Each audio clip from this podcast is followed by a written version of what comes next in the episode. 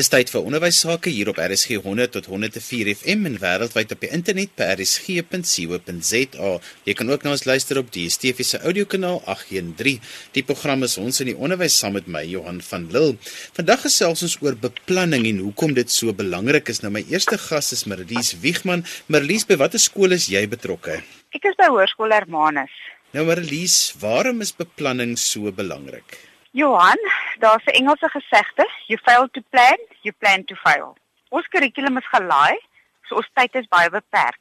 Dus moet jy die tyd wat jy het effektief gebruik sodat jy kan verseker dat jy elke kwartaal se mikpunt bereik en so aan die einde van die jaar het jy al jou voorgeskrewe inhoud behandel. Ons het ook ons ek is ook in 'n dubbel medium skool. So ons het effektief net helfte van die onderrigtyd.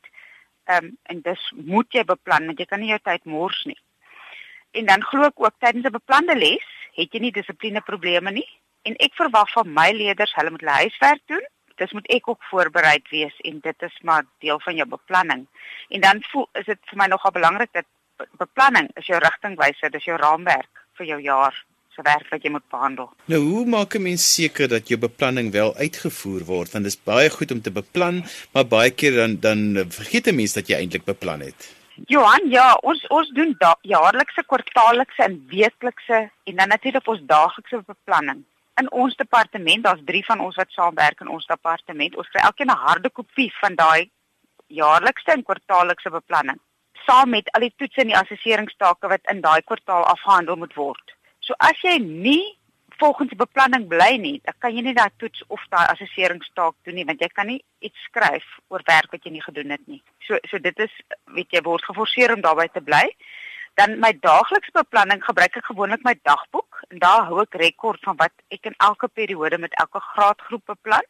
Maar dit is goed soos jou praktiese aktiwiteite, ondersoeke, eksperimente, die seksies, hulle vat baie meer tyd as jy wil video's wys van ons vak, ek is 'n lewenswetenskappe juffrou in ons vak leen om toe om video's en goed te wys.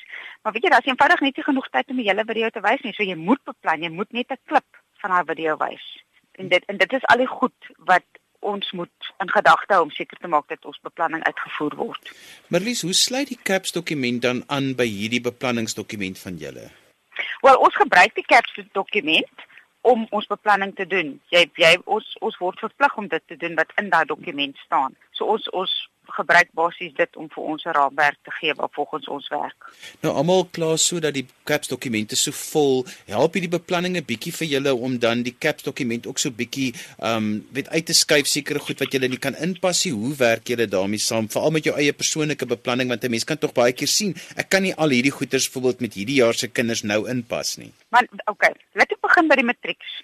Ons matriekse klastyd is min. Ons het van Januarie tot die einde Augustus op ons klaar wees met ons jaar se werk. So om hulle kurrikulum te voltooi, ruim ons tyd in na skool. So daar doen ons 6 plus minus. Ek vind ek het nodig om plus minus 6 1 uur sessies met hulle te doen, ekstra te doen en dan en weet jy jy moet beplan daarvoor. Jy kan nie sommer net vandag sê môre het ons ekstra klas nie. Jy moet in die begin van die kwartaal vir hulle sê op daai dag het ons ekstra klas of of hulle al die datums gee en dit is hoe ons daar deur die matriekse werk kom. Die ander ding wat ek wat ek ook nogal doen, huiswerk vat op tyd. So wat ek gevind het met die huiswerk, ehm um, die merk daarvan, ons kan nie altyd deur al die huiswerkstukke gaan nie. So daar ehm um, gee ons ook vir die leerders 'n harde kopie van die memo baie keer, dan moet hulle dit self gaan merk. Ehm um, so ja, jy maak maar planne en jy en jy en jy kry maar shortcuts om te probeer om deur die kurrikulum te kom, maar dit is baie vol. Want dit kan 'n mens in elk geval net doen as 'n mens eh, 'n baie deeglike beplanning doen. Het, het die kinders enigstens insaag in julle beplanning of is dit iets wat julle vooraf met hulle bespreek sodat hulle ook kan weet in watter tempo, watter pas gaan goeders gebeur in die laaste 3 jaar bevoel van hulle skoolloopbaan?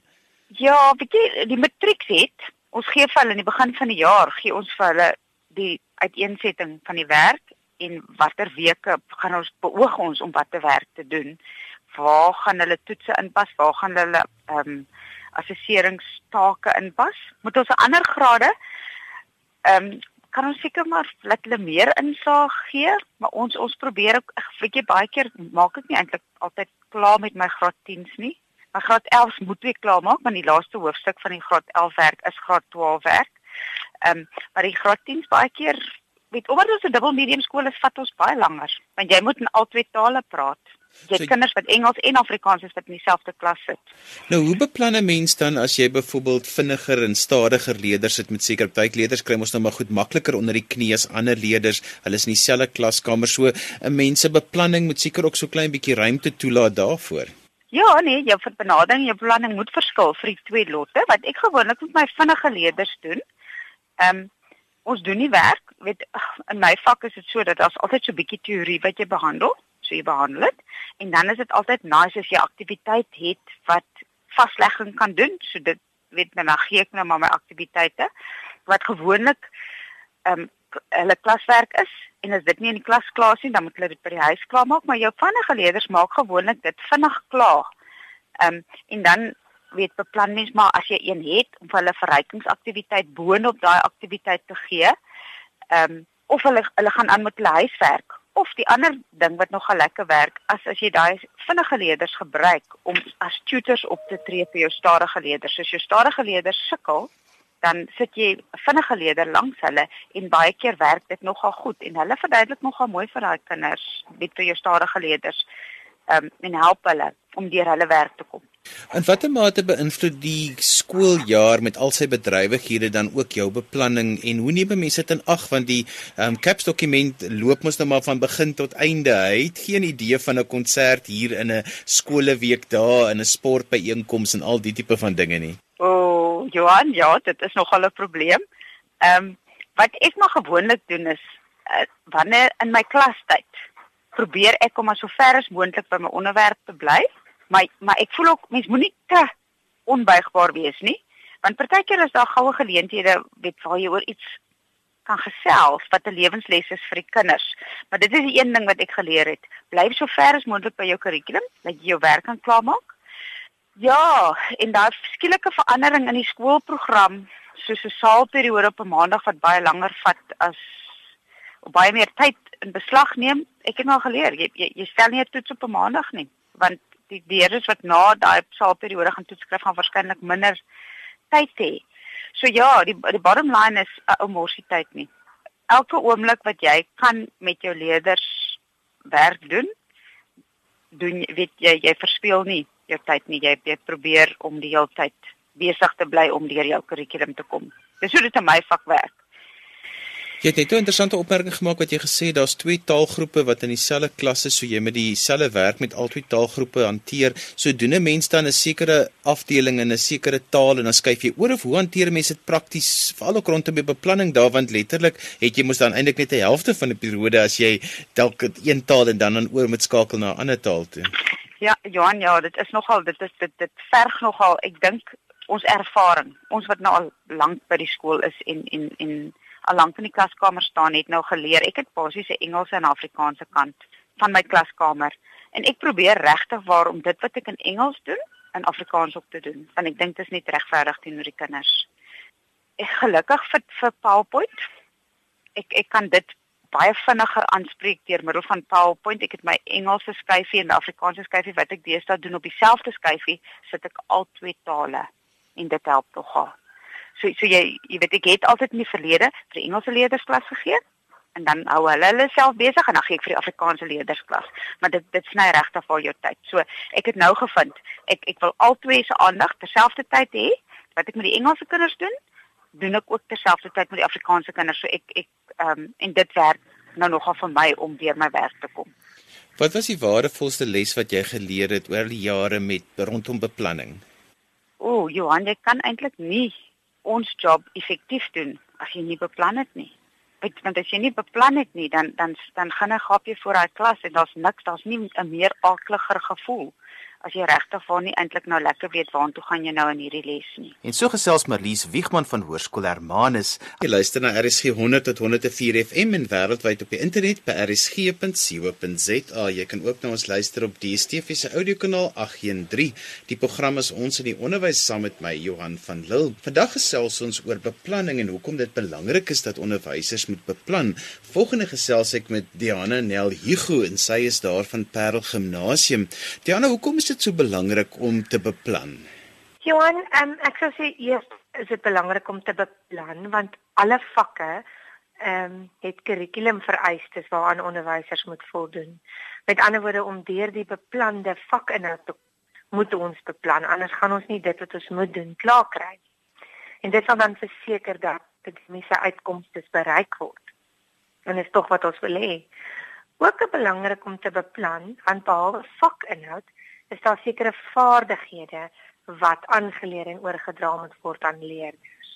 En hierdie vaardighede is baie vakspesifiek.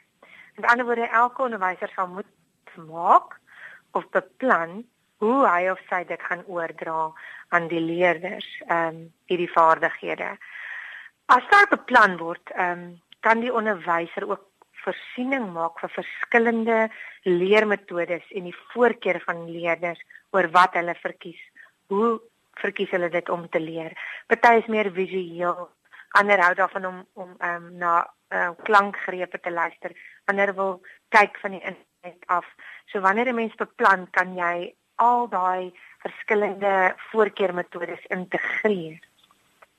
En laastens, dink ek as 'n mens nie beplan nie, gaan jy waarskynlik dissiplinêre probleme hê. Want beplanning gee struktuur. En as daar nie beplanning is nie, gaan struktuur ontbreek. Dit gaan 'n teelaarde skep vir dissiplinêre probleme, want 'n leerder voel dit aan en voel onseker as 'n onderwyser nie beplan nie. Hulle weet dit instinktief en dan kry jy van hulle wat dit gaan uitbuit hulle gaan die geleentheid gebruik om dan um besig te wees met dinge of hulle gaan jou aandag aftrek of die ander leerders se aandag aftrek. Jy het nou toe 'n baie interessante opmerking gemaak oor tegnologie en die gebruik daarvan in jou klaskamer, maar ook elektronika en um, die digitale wêreld. Dit maak dit 'n mens amper nog meer moet beplan as wat 'n mens 'n gewone klaskamer daarsonder sou bedryf het. Ja, Johan, uh, baie beslis want um stel nou maar jy doen nie jou beplanning nie en jy dink ag ek sal sommer môre dit regheid van die internet af van van YouTube vir hulle wys. En daar's een of ander elektroniese probleem of die krag is af. Dan sit jy nou met jou hande in jou hare want dan kan jy niks doen nie. So daar kom beplanning definitief baie sterk vorendag. Ja, want ook as 'n mens begin om YouTube en sulke video's in jou klaskamer te gebruik, moet 'n mens baie seker maak dat dit spesifiek op die leerder se vlak ook is en daarom ja. is dit nogal dit vat tyd om dan daardie te gaan uitsoek want jy kan nie net die eerste beste video vat en dink dit is van toepassing juis op jou graad se leerders nie. Nee, definitief. En uh, veral omdat van die inhoud uh, soms totaal onvanpas is en jy wil nie daar met 'n rooi gesig staan nie. So dit uh, moet jy voor die tyd beplanning kyk en en laai dit en spaar baie tyd. So as die jaar nou eers begin het en jy werk met jou beplanning, hoe voer jy dit uit en hoe integreer pas jy dit aan? Hoe moet 'n mens met jou beplanning werk as jy nou eers aan die gang gekom het? Jong, ek sou sê die heel belangrikste ding vir my is is om aanpasbaar te wees. Want ehm um, nie een skooldag is dieselfde nie. So mense kan nie die eerste dag die baba met die badwater uitgooi as die skool se program verander en jou beplanning gaan nie realiseer vir die dag nie. So bly kalm en pas jou beplanning aan. Ehm um, die wêreld gaan nie vergaan nie. So in die onderwys is dit vreeslik belangrik wees aanpasbaar. En dan sou ek sê goeie ferm dissipline gaan in 'n leeromgewing skep waar jy jou beplanning kan uitvoer. Anders gaan jy jouself in die voet skiet daarmee. Die derde ding wat ek daar sou sê, ehm um, Johannes is wat ek noem 'n busstopstelsel want hierdie is is ook geneig om iets te wees wat in eet in 'n mens se beplanning in. En elkeen van ons se klas is daar daai leerder wat 'n vraag vra wat ehm um, absoluut glad nie van toepassing is op die werk wat jy nou doen nie. Hulle steek klaar en hulle vra hy die vraag wat net nie nou pas by die inhoud in jou beplanning nie. So wat ons dan doen is ons maak gebruik van 'n wat ons noem 'n busstopstelsel. Ons skryf die vraag neer, ons sê baie goeie vraag, maar kom ons sit dit op die busstopstelsel en ons kom daarby wanneer ons tyd van my kollegas gebruik 'n baie interessante stelsel. Hulle noem dit die die Vrydag Vrydag. So ons parkeer al daai vrae tot op 'n Vrydag en dan Vrydag mag jy al die vrae vra wat jy graag wil vra. En dan weet ons dit gaan nie inmeng in die week se beplanning met die vakke nie. Nou wanneer 'n mens beplan, dan beplan 'n mens nou om deur die kurrikulum te kom, maar die realiteit is dat 'n mens mos nou stadige en vinnige leerders in jou klaskamer het. Hoe werk jy dit by jou beplanning in? Ja, ehm um, dis dis maar 'n ding wat 'n mens jy werk spesifiek um, nou dis wat ek gaan doen vir die stadige ouetjies en dis wat ek vir die vir die uh, meer um, akademiese ingestelde ehm um, kandidaat gaan doen nie. Ek dink ehm um, as onderwysers weet 'n mens uh, wanneer een van die leerders nie die bepaalde inhoud snap nie. Mens weet dit naderhand. Jy kan sien in hulle oë hulle verstaan dit nie en om nie die pas ehm um, uh, te markeer vir almal nie. Ek, ek kry jy 'n manier om dan kontak met daai kind te maak um, net na die klas of wat volgende klas begin om te sê juffrou sien jy verstaan nie lekker daai nie of gaan lees dit of gaan kyk hierdie uittreksel of gaan kyk hierdie video ehm um, want dit gaan vir jou daarmee help. En daar ek sê ehm um, dat verhouding is die eerste prioriteit in in die onderwys om verhouding te bou want as jy dit het help dit vir jou om te kan sien. En jy kry jou ehm um, kandidaate wat agterbly juffrou meneer ek verstaan nie dit nie. Ehm um, ek kop dit nie lekker nie. Hoe kan ek maak? Hulle kom vra vir jou. Want omdat 'n mens gedruk is vir tyd en jy by 'n kurrikulum uitkom jy nie altyd tyd in die klas om 20 minute vaslegging te doen nie. Die skoolprogram en die akademiese program is nogal twee wat altyd moeilik is om in jou beplanning bymekaar uit te bring. Hoe hoe kry julle daai balans? Want daar gebeur maar baie keer ook goeters wat 'n mens nie voorsien nie Ja, inderdaad, eh, die skoolprogram en die logistiek van 'n skool is regtig 'n moeilike ene want daar's altyd um, ietsie wat um, op op is 'n fotodag, 'n um, konsertoefening of 'n koor of 'n ding en dan as jy periodes korter as wat jy gedink het of dis maar net om om aanpasbaar te bly en te besef al daar gaan weer 'n geleentheid kom waar ek dit kan inhaal. En om die veranderlike faktore nou, ehm um, tipe van jy kan niks daaraan doen nie. So aanvaar dit en werk rondom dit. Ehm um, en dan dink ek ook 'n mens moet aan jou eie motivering en doelgerigtheid werk en maar getrou wees in die klein dingetjies elke dag doen wat jy moet doen want dit is maar uh, wat uiteindelik vir jou sukses gaan bring. Want dit is maar as 'n grootste uitdaging in die onderwysbeplanning. Ehm um, die realiteit en die en die praktyk en die teorie om dit bymekaar te bring. Soos jy gesê die die skole ehm um, daar is 'n vasgestelde rooster en 'n in 'n dagprogram, dit kan um, onmiddellik verander. En so gesels die Hanna Nel Hugo van Parel Gimnasium en ons het 'n bietjie gesels oor die belangrikheid van beplanning. Volgende gaan ons 'n bietjie hoor by 'n klompie graad 1 leerders hoe hulle hulle eerste skooljaar ervaar het. Al hierdie leerders is van die laerskool Jean Lou en hulle is almal vanjaar in graad 1 gewees. My naam is Hunter en my van is van Renen en dit was lekker by skool in my 1 jaar en ek hou van my drie juffrouens. My my een juffrou is juffrou Karen My een is Juffrou Besaidena en my ander een Juffrou Amanda. Juffrou Amanda is die Bybeljuffrou en Juffrou Besaidena is ons somme juffrou en Juffrou Karen is ons skrifjuffrou. En ek hou van hulle en my en my lekkerste juffrou is Juffrou Karen. Sy gee vir ons skrif en partydag gee sy vir ons lekker goeders om aan te kleer. Partydag is juffrou Karing ook ons wiskunde juffrou want juffrou en juffrou Westernay was ook een keer die hoër en nou is dit lekker by skool baie lekker. Graad R is nie so lekker nie want dan moet ons so dan moet ons so betyds oor bly by skool want ons het nie so lekker gewerk en ek het 'n kwaad juffrou by die skool en by daar so by graad R gehad. Hierdie jaar het ek geleer van ek moet slim wees by die skool ek moet elke liewe dag skool toe gaan. Nie elke liewe dag nie maar net dis op twee dae kan ek by die meis bly soos op die vakansiedag. My naam is Kyle Lazarus en die lekkerste van graad 1 was die uitstappies. Ek het geleer van baie van van baie ander wiskunde. Hallo, my naam is Bjorn Venter. Ek het geleer dat ek elke dag moet skool toe want anders mag ek nooit weer skool toe kom nie. My naam is Hein Dakke en ek hou baie van graad R want ek het so verf en lekker goeie gedoen en dit het geknip en plat. Hallo meneer, ek is Denayber. Graad 1 is baie lekker want ons het twee pauses deesdae en um, ons kry lekker goed in en ons het Bybeldakies en die Bybeldakies is baie lekker en ons um, en ons doen ons vertooi baie lekker goed en ons keer en plak.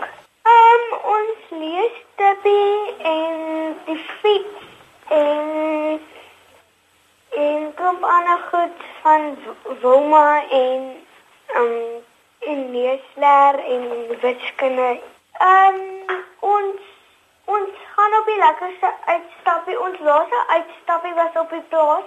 Ons het op 'n trekker gery. Ons het hoenders uitgehaal en dit was baie lekker. Ons het in 'n perde gevat en gevryf aan.